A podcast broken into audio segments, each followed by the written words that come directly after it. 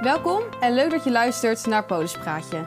De podcast van GW, waarin wij jou meenemen in de wereld van verzekeringen en alles wat erbij komt kijken. Tijdens de podcast beantwoorden wij veel voorkomende vragen en gaat GW in gesprek met haar medewerkers en klanten. Veel luisterplezier. We leven tegenwoordig in de allerhoogste versnelling. Continu veranderen dingen om ons heen. De ene verandering heeft iets meer impact dan de ander. Bijvoorbeeld in het geval van overlijden. Naast veranderingen in je eigen leven verandert de wet en regelgeving ook voortdurend. Daar gaan we het deze keer over hebben. Dit doe ik samen met Raymond Mars van Stichting Register-Executeur en Willem van der Kammen, adviseur en register-executeur bij GAW. Raymond, kan je me uitleggen hoe wordt zo'n erfenis geregeld? Ja, dat is een hele goede vraag. Het, het, het moet in ieder geval geregeld worden. Hè? Dat, dat, is, dat is natuurlijk het mooie van het land waarin we leven. Alles is geregeld. En eh, als iemand doodgaat, dan had hij allerlei spullen, goederen noemen we dat in, in uh, juridische terminologie. En ja, die hebben op dat moment eigenlijk geen, geen baas meer. En het erfrecht, en het erfrecht is al zolang er mensen sterven, bestaat er erfrecht. Hè? Dat is al duizenden jaren oud. Natuurlijk voortdurend wel uh, geëvalueerd wat, uh, wat daarin uh, van terecht komt. Maar dan moet er wel iets geregeld worden. Want dan is het wel zo van, hé hey, ja, maar dat huis, die auto, dat geld op die bank, wie betaalt de rekeningen? Mm -hmm. Dus gelukkig hebben we daarvoor allerlei regelgeving, die ook al heb je geen testament, in ieder geval een basis bieden om tot een afwikkeling te komen. Hè? Want het afwikkelen van een nalatenschap is feitelijk niet meer dan een transitie van het vermogen van de overledene mm -hmm. naar een nieuwe situatie. Ja. En want ik, je, je gaf al inderdaad erfrecht uh, aan. Uh, kan je uitleggen wat dat precies is? Ja, het erfrecht dat is in het, uh, in het burgerlijk recht. Hè. Het burgerlijk recht regelt de rechtsverhoudingen tussen burgers onderling. Mm -hmm. Het erfrecht voorziet in allerlei regels. Hè. Dus, ik noem het altijd mijn grote toverboek. Hè. Dus als er een probleem is, dan vinden we daar altijd wel een, een in hoe, dat, hoe dat moet lopen. En het erfrecht regelt eigenlijk alle zaken die geregeld moeten worden van hé, hey, er is iemand dood. Wat is nu de volgende stap? Nou, gelukkig hebben we dan in het recht allerlei aanwijzingen uh, hoe we dat uh, tot, een, uh, tot een oplossing kunnen brengen. Okay. En het erfrecht dat is geregeld in het burgerlijk wetboek, mm -hmm. vierde boek van het burgerlijk wetboek. En ja, dat, dat heeft 236 artikelen, dus een relatief dun een wetboek mm -hmm. van, van de tien die we er hebben, of negen die we er feitelijk hebben. Uh, en daar, aan de hand daarvan kan je natuurlijk heel veel stappen zetten. Ja, ja. oké. Okay. En uh, Willem, uh, kun je er ook voor kiezen om hiervan af te wijken? ja, zeker. Dat kan. Okay. Als je dat wilt, dan moet je een testament laten maken bij de notaris. Oké, okay. dus dat testament is zeg maar een soort van toevoeging op het erfrecht. Of hoe moet ik dat zien? Ja, ja eigenlijk wel. Een over, ja, je overroelt daarmee een stukje wat de, de, de overheid bedacht heeft. Je ja. eigen wensen komen daar terug. Oké, okay. en uh, ja, wat kan er zo aan een testament staan wat als toevoeging uh, wordt gezien? Uh, nou ja, goed, wie je de nalatenschap af wilt laten wikkelen, mm -hmm. wie je wilt dat alles krijgt. Um, want ja, je kunt natuurlijk van de wettelijke regels afwijken door te zeggen: ik wil niet dat mijn kinderen alles krijgen, maar dat er ook andere mensen dingen krijgen of een goed doel. Dus uh, op die manier, uh, daar kun je daarin regelen. Oké, okay, en uh, is het dan ook zo dat er um, wel eens wat verandert aan dat erfrecht? ja, de, de, echte hele grote veranderingen die hebben we in 2003 en in 2010 gehad. Mm -hmm. um, ja, en daarnaast worden regels soms anders uitgelegd door rechtszaken die natuurlijk gevoerd worden. Ja. Dus maar ja, je moet dus wel continu op blijven letten. Ja, want mijn vraag was inderdaad, dan heeft dat ook gevolgen voor nou ja, testament of waar je mee ja, te maken ja, hebt. Ja, het is wel goed om, um, ja, om regelmatig even te blijven kijken um, en te polshoogte te nemen van past het nog wel wat ik geregeld heb bij, bij mijn situatie of moet ik daar aan gaan passen? Ja, en um, Raymond, is het dan dus, dus het klinkt eigenlijk alsof het belangrijk is dat je toch regelmatig uh, even kijkt van moet er wat veranderd worden in mijn testament of uh, is die goed zoals die is? Ja, dat? nou, daar sla je de spijker op de kop, want het heeft niet alleen maar te maken met veranderde de wet en regelgeving, maar het heeft ook te maken met een andere kijk op de zaak natuurlijk. Ja. Ik bedoel, het uh, kan best zo zijn dat je misschien een jaar of tien geleden het een heel goed idee vond om je kind te onterven en inmiddels die relatie ten goede gekeerd is en dat je bij jezelf denkt van hé, hey, zullen we dat eens ongedaan maken? Dat is een punt. Een ander mooi verhaal, wat, wat ik er eigenlijk ook altijd wel duidelijk mee wil maken. Dat we hebben een wooncrisis hè, op het moment. Hè. Dus, dus, eh, en, en wat je daarmee ziet, dat is dat misschien een van je kinderen, die vindt het een heel goed idee.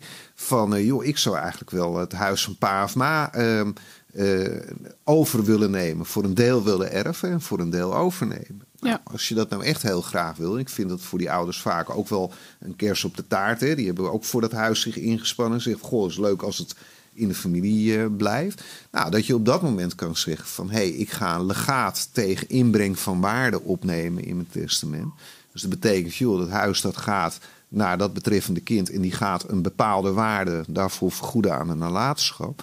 Dat scheelt heel veel discussie. Ja. Dat eh, maakt ook iets mogelijk waarmee je toch een bepaalde slinger aan je nalatenschap kan geven. En, en daarmee eigenlijk je footprint in de samenleving wat, wat kan vergroten. Ja. Dus dat, dat, dat is één thema.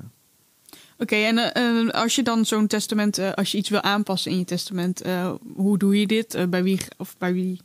Ja, nou, het punt is dat testamenten kunnen in, in hoofdzaken, met een hele kleine uitzondering van, van, van oorlogssituaties en dat soort dingen. Maar testamenten worden gemaakt door eh, de notaris en gepasseerd door de notaris. Als dat niet het geval is, dan is een testament nietig. Hè? Dus dan bestaat hij niet.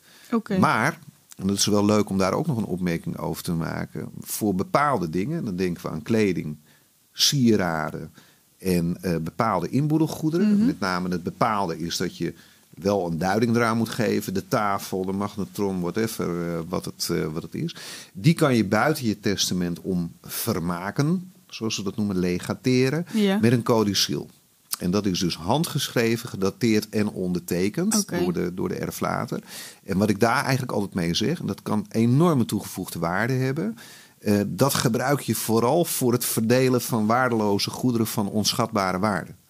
Hè, Ja. Bijvoorbeeld een, Ja. een trouwalbum, hè, drie dochters, één trouwalbum. Nou, dan is het misschien wel handig dat je daar op voorhand al een, eh, een slinger aan geeft. Eh, dat want dat is dus niet iets wat je dan in je testament. Dat, dat Nee, is want- per definitie eigenlijk Nee, iets het gaat om, om, om kleding, sieraden en inboedelgoederen. Een trouwalbum valt toch echt wel onder inboedelgoederen. Ja, ja, ja. En dat zijn echt wel dingen waar je richting. Kijk, een auto bijvoorbeeld, dat kan niet. Hè. Die, die, die moet dan wel bij testament. Een huis, dat kan ook alleen maar bij testament. Maar al die andere zaken, eh, en zeker waar het gaat om boeken of om fotoalbums of om, om, om andere dingen die, wat ik al zeg, waardeloze goederen van onschatbare waarde. Daar kun je eigenlijk al zoveel voorwerk op je nalatenschap mee doen dat ook het traject soepel loopt. Eh, want sec om een trouwalbum zal niet geprocedeerd worden. Maar het houdt wel heel veel ontwikkeling in die nalatenschap aan het einde van de rit wel tegen. Ja, oké. En ehm, we hadden het inderdaad dan over eh het testamenten aanpassen. En eh, zit daar een bepaalde regelmaat in?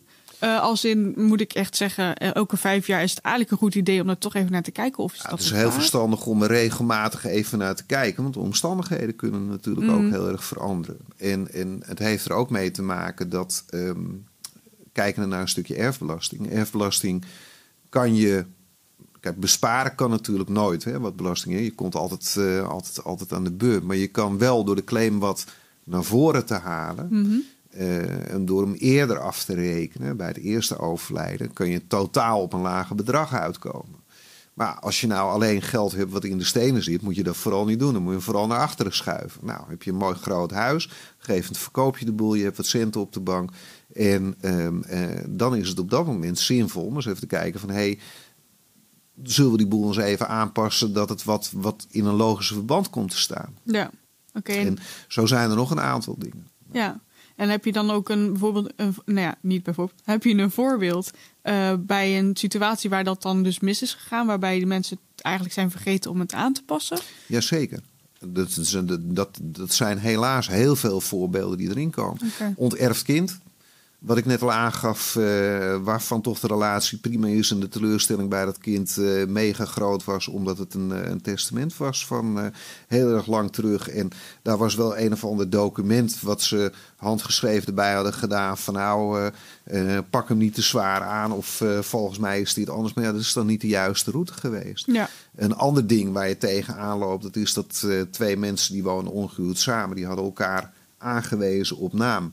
Die relatie was uit elkaar gegaan, testament nooit herroepen. Ja. Inmiddels woonde die meneer samen met een andere mevrouw. En die dacht van, oh ja, dat zal mijn tijd wel uitduren. Vervolgens ging die, eh, kwam hij te overlijden. En konden we zijn ex, met wie die niet al te prettig uit elkaar gegaan was... blij maken met het feit van, hé, hey, je bent de enige erfgenaam in het testament. Maar dat, eh, dan klinkt het eigenlijk bijna alsof er niet genoeg aandacht wordt besteed aan... eh, door een notaris, ik noem maar wat, of waar je ook terechtkomt uh, het bij begint zijn- natuurlijk bij de mensen zelf. Kijk, ik Ja. bedoel, je bent, die hebt, mensen hebben zelf natuurlijk ook wel wat verantwoordelijkheid. En ongehuwd samenwonen moeten zich heel goed realiseren dat ze hebben alles zelf geregeld. Hè? Dus Mhm. samenlevingsovereenkomst, testamenten, en noem maar op. Ehm, dat is met het wettelijk erfrecht is het weer anders. Hè? Die volgt gewoon een burgerlijke staat. Maar ja, ongehuwd samenwonen is geen burgerlijke staat. Mhm. Ja. En de consequentie daarvan is natuurlijk dat je niet alleen kijkt, en, en dat zijn natuurlijk gelukkig ook wel de voordelen van de registerexecuteur, dat je alle stations passeert eigenlijk, hè, liefst bij leven. Dus dat heeft niet alleen maar te maken met de erfstellingen in een testament, al dan niet herroepen, maar dat heeft ook te maken met bijvoorbeeld de begunstiging, hè, wie het recht heeft op de uitkeringen uit de verzekering, tot en met pensioenen toe. Ja. Eh, ja, misschien een beetje een, nou ja, voor mij, omdat ik niet zoveel erover weet natuurlijk, een vraag. eh, want ik hoor je net zeggen over dat testament eh, bij ongehuwd is zelf opgesteld. Maar wordt zo'n aanpassen van een testament, doe je dat altijd via notaris? Of, Ja, testamenten via... sowieso allemaal via notaris. Maar wat ik bedoelde met zelf opstellen, Ja. dat is dat wanneer mensen bijvoorbeeld trouwen, eh, dan volstaat het huwelijk in hoofdlijn, omdat namelijk het erfrecht aanpakt bij Ja. van, oh, eh, we hebben hier te maken met een echtgenoot, echtgenoot of geregistreerd partner. Ja, Voor ongehuwden, en dat, dat is iedereen die niet naar het stadhuis geweest is, is een ongehuwde. Hè? Dat, Ja. dat moet je goed realiseren. Voor ongehuwden eh, moet je dus bij jezelf zeggen: Goh, ja, ik vind jou leuk, ik woon met jou samen, goh, wat gezellig. Eh, maar ik wil ook dat jij van mij erft. Ja, dan zul je zelf in actie moeten komen om dat manier. bij het testament op te laten stellen. ja. oké. Ja, Hè, dus dat, dat is natuurlijk wel van, van groot belang. ja. oké. Duidelijk. Eh, hebben jullie daar nog iets aan toe te voegen, Willem, misschien? Nee. Alles duidelijk? Ja, nee, we kunnen hier uren over ja, ik doorpraten. Nou, ik, ik blijf er inderdaad wel op hameren. Dat, en dat gaf Willem er straks ook wel aan. Dat, je hebt wel eens bepaalde ingrijpende live events. Hè? Een huis kopen, kind op de wereld zetten. Dat zijn eigenlijk allemaal van, van die momenten waarop je bij jezelf denkt van... Goh, misschien ook eens even te denken dat ik niet onsterfelijk ben. ja. Is een hele kleine toevoeging nog. Hè. Stel, een stelletje ongehuwd samenwonenden. Nou, hartstikke leuk. Wordt een kindje geboren. Ja, er is maar één erfgenaam op dat moment. Dat is dat kind. ja. En als je allerlei andere plannen had, eh, eh, dan, dan zul je wel in actie moeten komen. En voor die tijd was het misschien niet zo super relevant. Want ja, ach, eh, we leven, eh, we maken er toch wel een gezellig boel van. Maar op dat moment heb je natuurlijk best wel dat je, dat je daar wat richting en route aan wil, eh, wil geven. In Ja. ieder geval niet mensen na een overlijden. Want overlijden overkomt de nabestaanden in volkomen ontreddering achter wil laten.